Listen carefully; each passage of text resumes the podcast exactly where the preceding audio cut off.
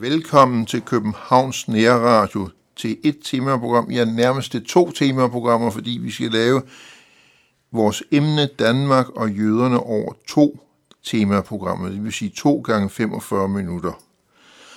Og som gæst har jeg inviteret Martin Svarts Lavsten, der har været professor ved Københavns Universitet i kirkehistorie, men nu er i og for sig professor emeritus. Øh, og jeg selv hedder Jesper Sten Andersen. Hvordan kom du ind på emnet Danmark og jøderne? Det gjorde jeg faktisk, øh, da jeg i særlig grad arbejdede med Luther og den lutherske reformation, både i Tyskland og i Danmark.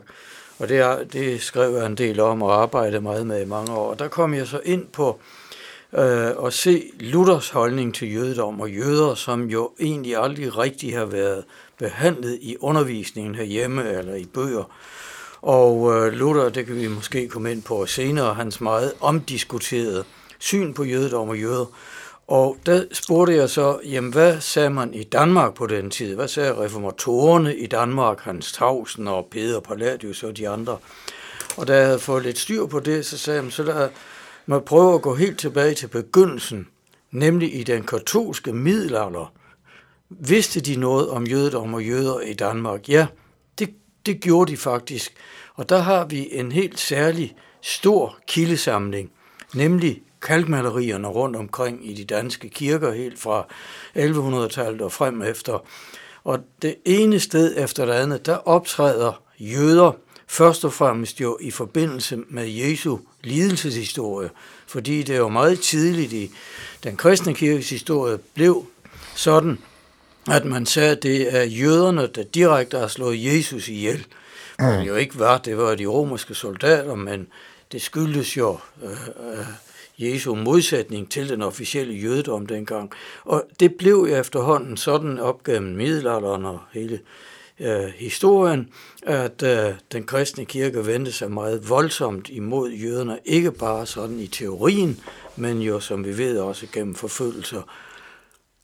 Nu er du jo forsker. Hvordan er emnet Danmark og jøderne som forskningsemne? Ja, det var øh, den ældre historie her, det var stort set ikke undersøgt rigtig øh, ud fra den synsvinkel, jeg har anlagt på det. Øh, og øh, der kunne jeg netop så bruge alle kalkmalerierne og øh, de ganske få bøger fra katolsk tid, vi har her. For selvom der jo ikke boede jøder i Danmark, så var der ikke grænse for, hvad kirkens folk vidste øh, om jødedom og jøder, og som de jo så angreb på det grundlag, de havde.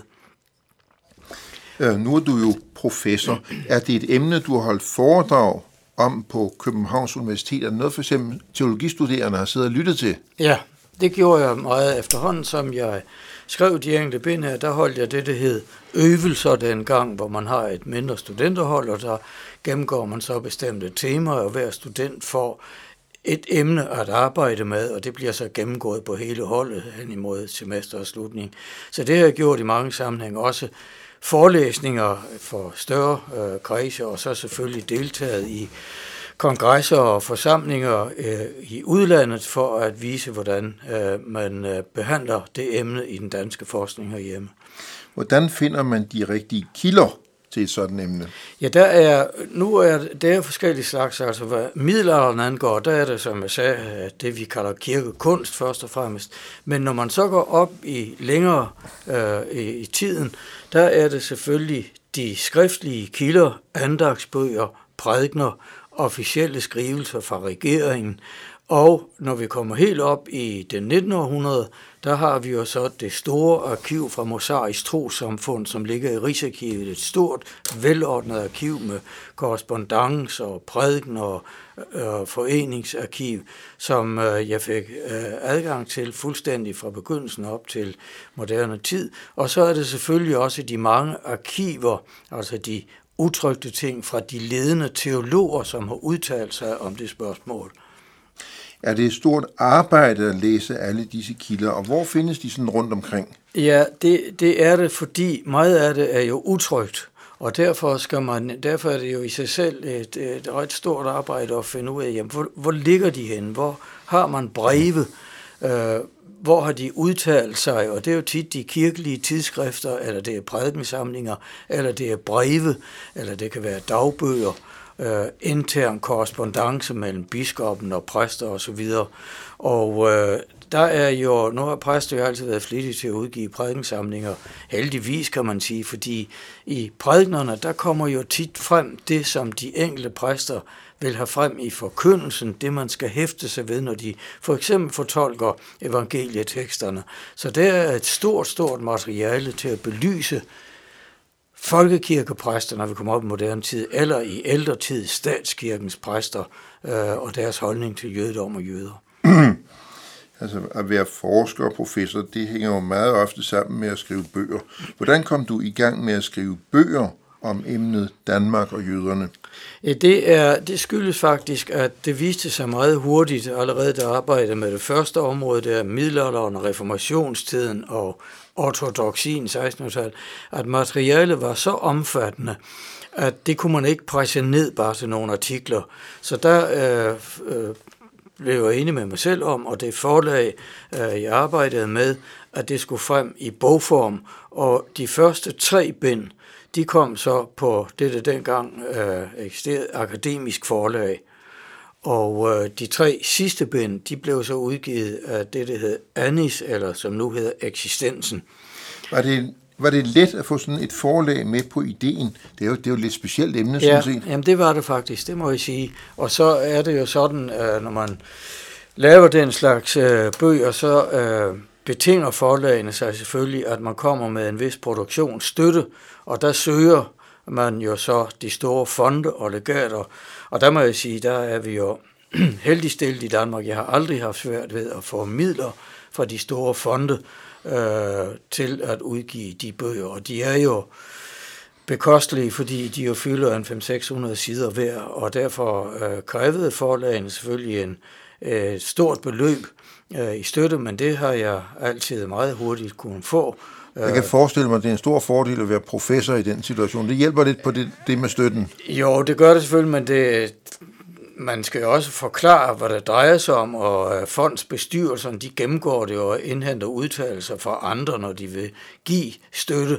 Og øh, man kan sige, når først de første bind udkom, så går det jo lidt nemmere, for så kan de jo se, at de blev solgt. Bind 1, det blev udsolgt, så det er jo kommet i et nyt oplag også.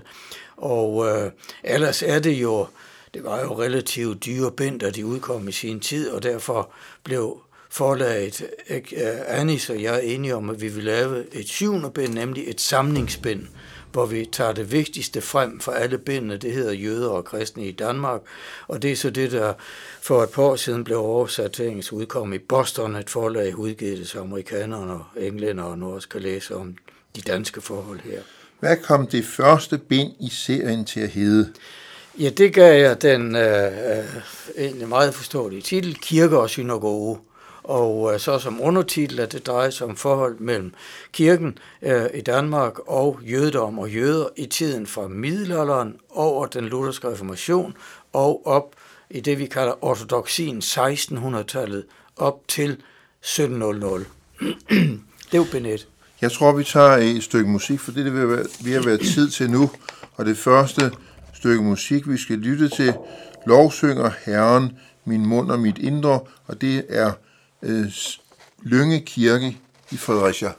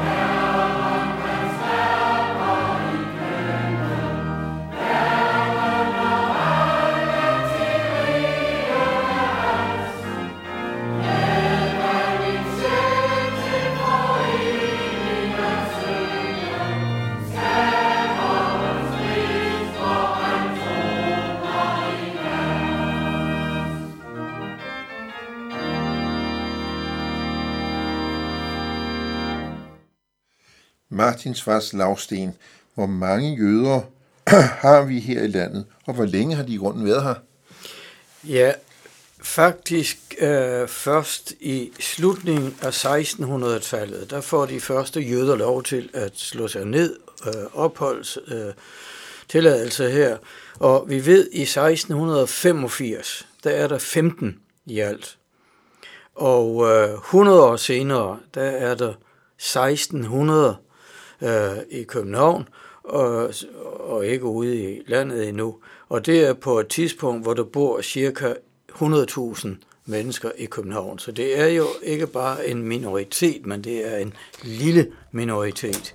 Og hvor mange der er nu, ja, det er lidt svært, hvordan man definerer det. Man kan sige, at, at øh, mennesker, som er jøder af familiemæssig baggrund, der regner vi med, at der er en 6-7.000, men selve menigheden omkring Krystalgade inde i København, den er på en 1800 mennesker, det er det hele. Altså, vi, vi, vi kan sige, troende jøder, der går i synagogen, det regner vi med, at det er lige omkring en 1800 mennesker nu.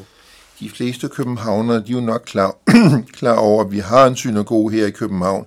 Men hvornår blev den egentlig bygget? Ja, den vi har nu i Krystalgade, den er fra 1833, øh, og tidligere, der havde øh, man tilladelse til at holde synagoge gudstjenester, men det skulle være oppe i en lejlighed, hvor man ikke kunne høre nede på gaden. Man må ikke høre, hvad der foregik, og der må der ikke holdes prædikner. Så man ville nok tillade en vis form for religionsfrihed helt tilbage fra slutningen af 1600-tallet og helt op øh, til 1800-tallet. Men det skulle så at sige gemmes væk, og det kunne man jo selvfølgelig ikke. Og det er også spændende, fordi vi jo nu fra her omkring 1700 har vi jo den strenge lutherske statskirkes tid, hvor alle mennesker i Danmark skulle være øh, tilhøre denne kirke og skulle gå i kirke og til nadver og så. Og så kan man samtidig se nu rundt om i København, der går der altså mennesker af en anden religion, end der er jødisk religion, som de kristne altid har haft det svært med, og de var klædt på en bestemt måde, men det var jo aldrig et stort antal. Men i hvert fald, synagogen, den er den nuværende, den er fra 1833. Før, der har der ligget en i Læderstræde, og øh, så har der også været forskellige sådan bedehuse, bedestuer rundt omkring i privatlejligheder. Men nu er det hele samlet altså i Krystalgade i København. Hvordan var danskernes forhold til jøderne i den katolske tid?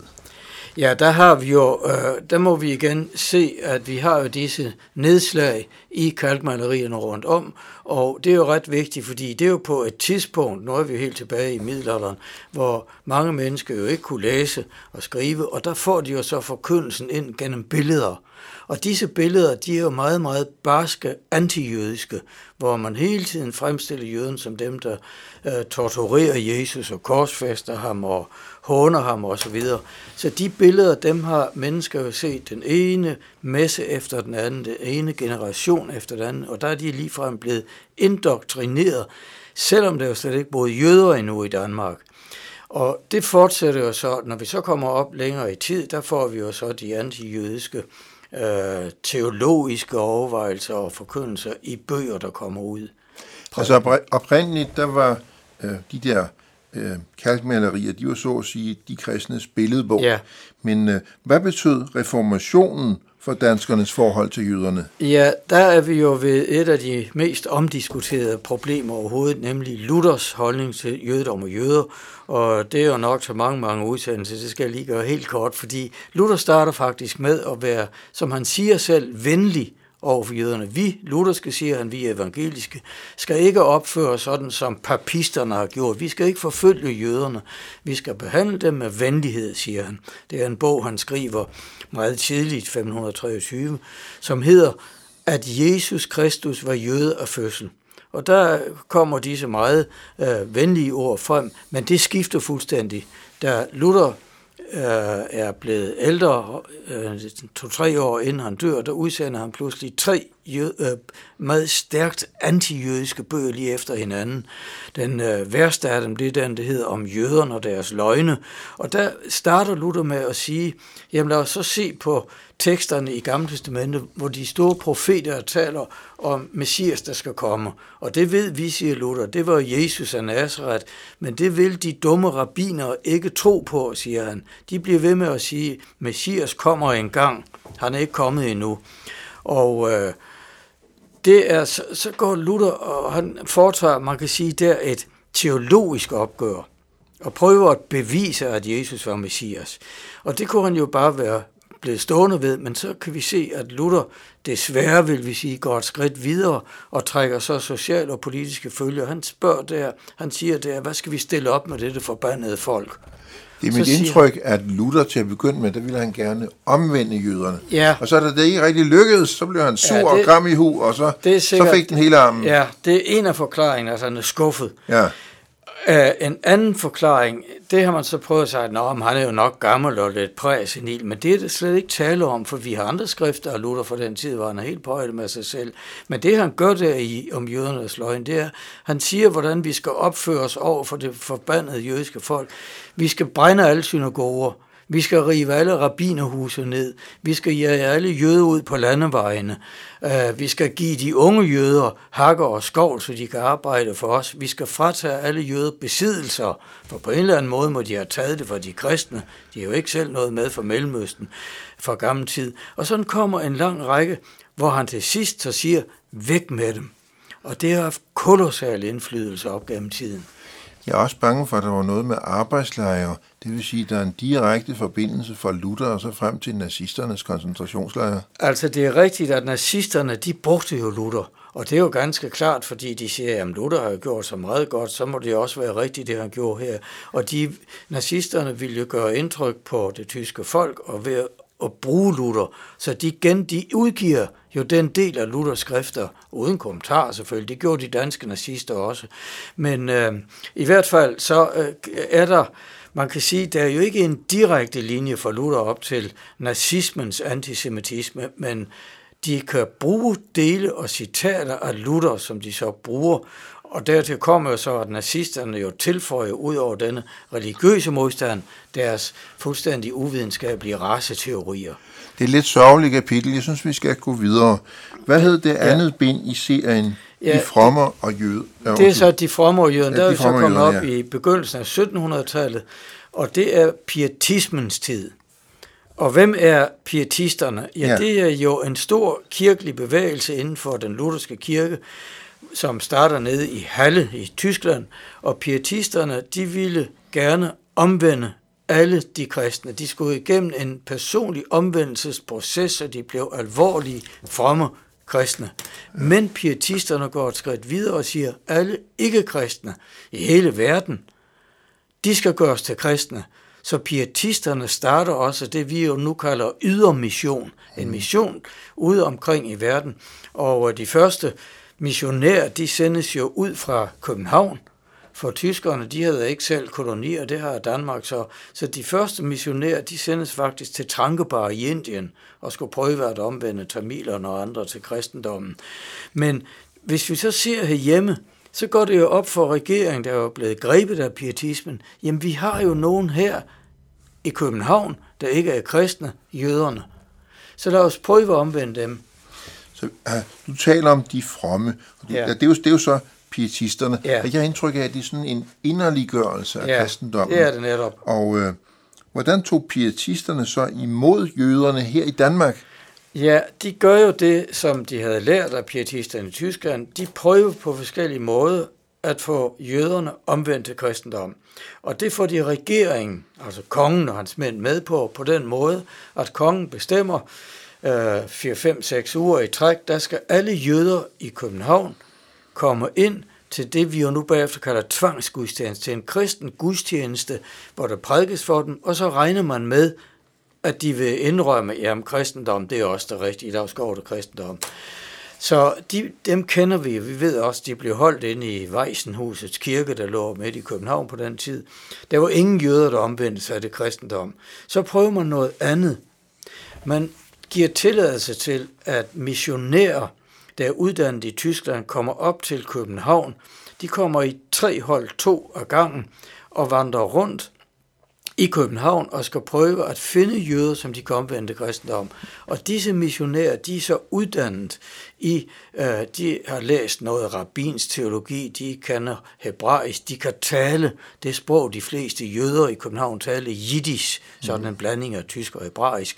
Så de kommer op her, og de skulle skrive dagbøger, dem kender vi stadigvæk, de er ikke trygt, men dem kender vi nu, og de skulle sende rapporter hjem hele tiden til alle, hvad de oplevede.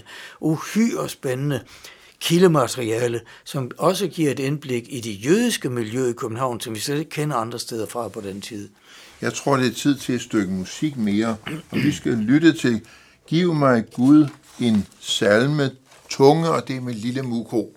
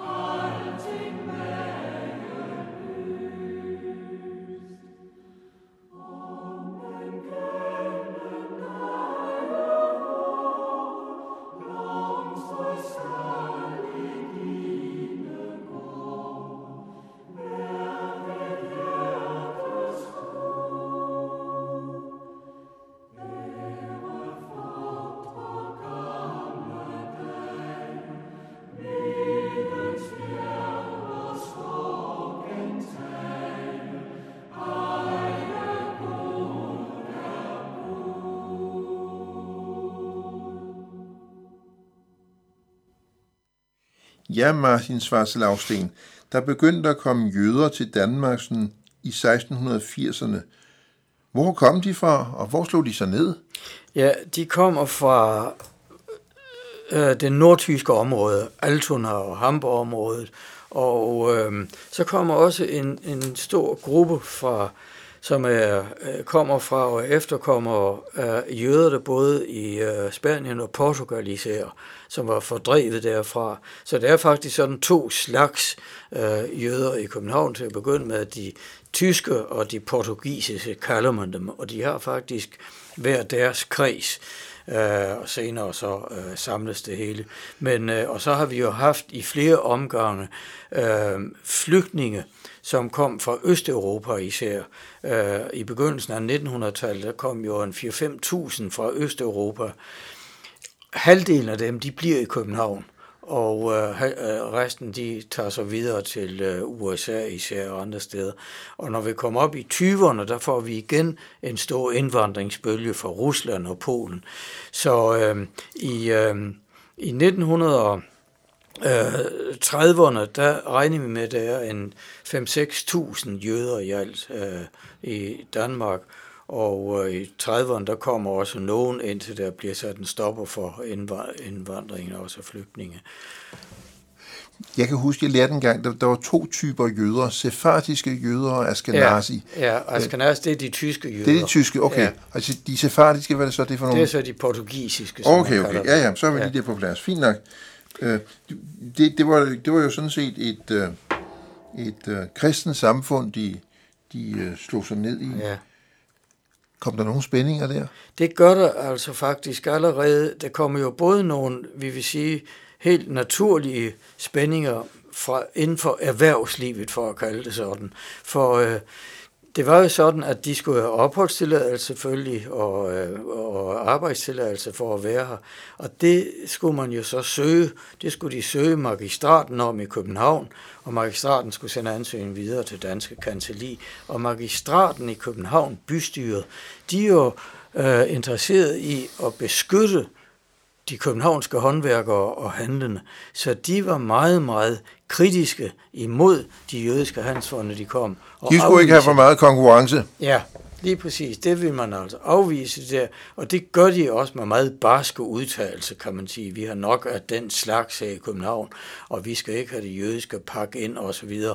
Men der er det spændende at se, at nok er magistraten, altså antijødisk langt op i tiden, men regeringen, kongen, siger, jamen vi skal modtage dem, fordi vi har jo brug for, nu bruger han ikke det ord, men det gør vi jo nu, know-how. Vi har brug for, at der kommer udenlandsk kapital.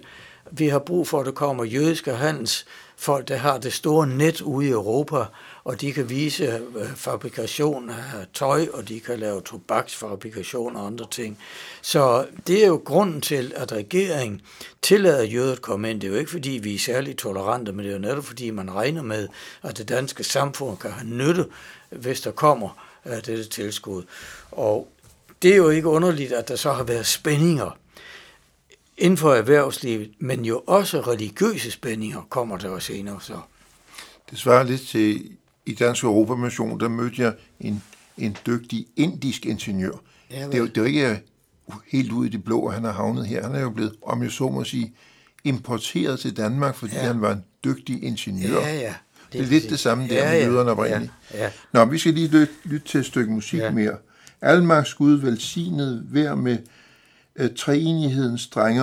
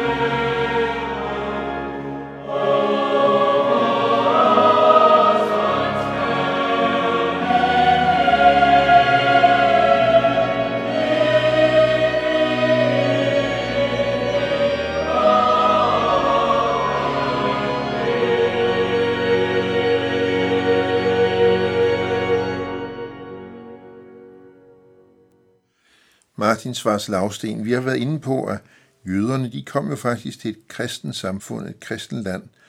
Var der nogle jøder, der blev omvendt og blev døbt? Ja, det er der lige fra begyndelsen af 1700-tallet. Øh, der kan vi se, at der af og til kommer jøder op til biskoppen.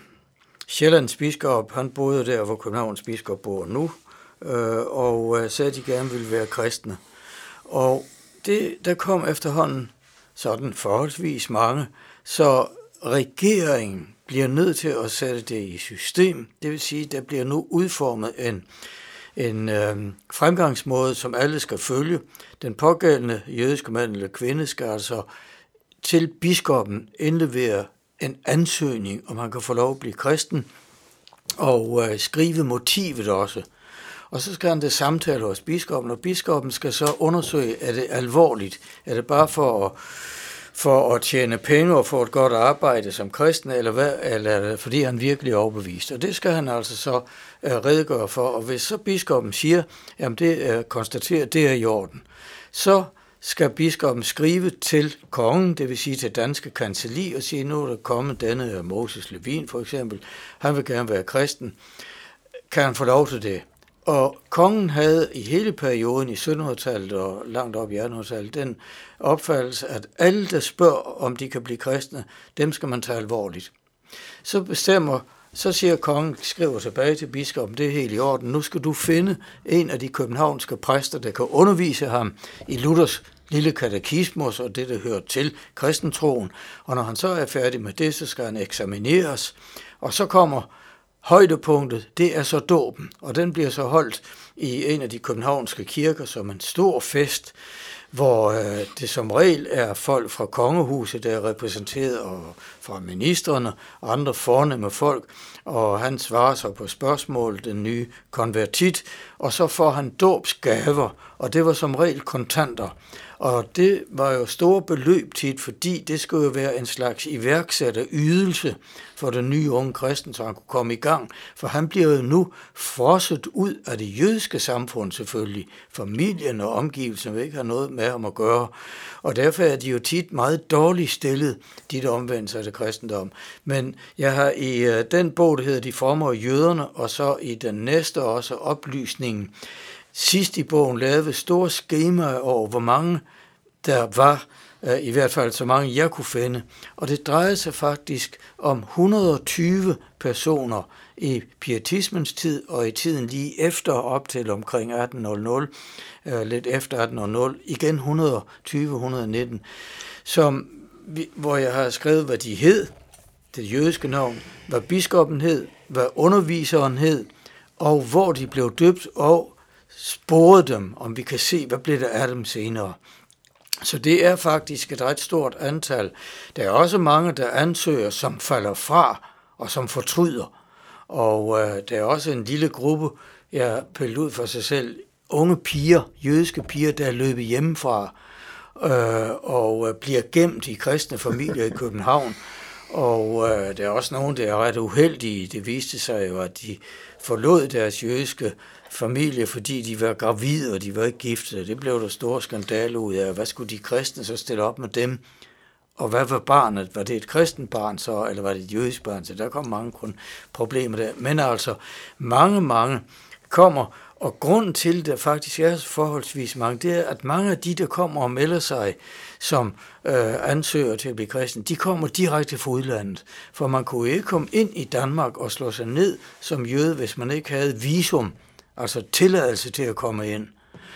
Og hvordan fik jøderne opholdstilladelse i Danmark? Hvordan fik man sådan en visum? Ja, Krævede det, at man omvendte sig? Ja, man skulle, uh, man skulle ansøge om det, og hvis man så sagde, at man ville være kristen, så gik det jo lettere selvfølgelig. Så var der ingen problemer. Men øh, de andre, de skulle søge og vise, hvilket håndværk de havde, og så gik der altså, øh, at den sædvanlige var igennem Københavns bystyre op til kanseliet osv. Men de, der ikke fik tilladelse, de blev jaget som vildt overalt i Danmark.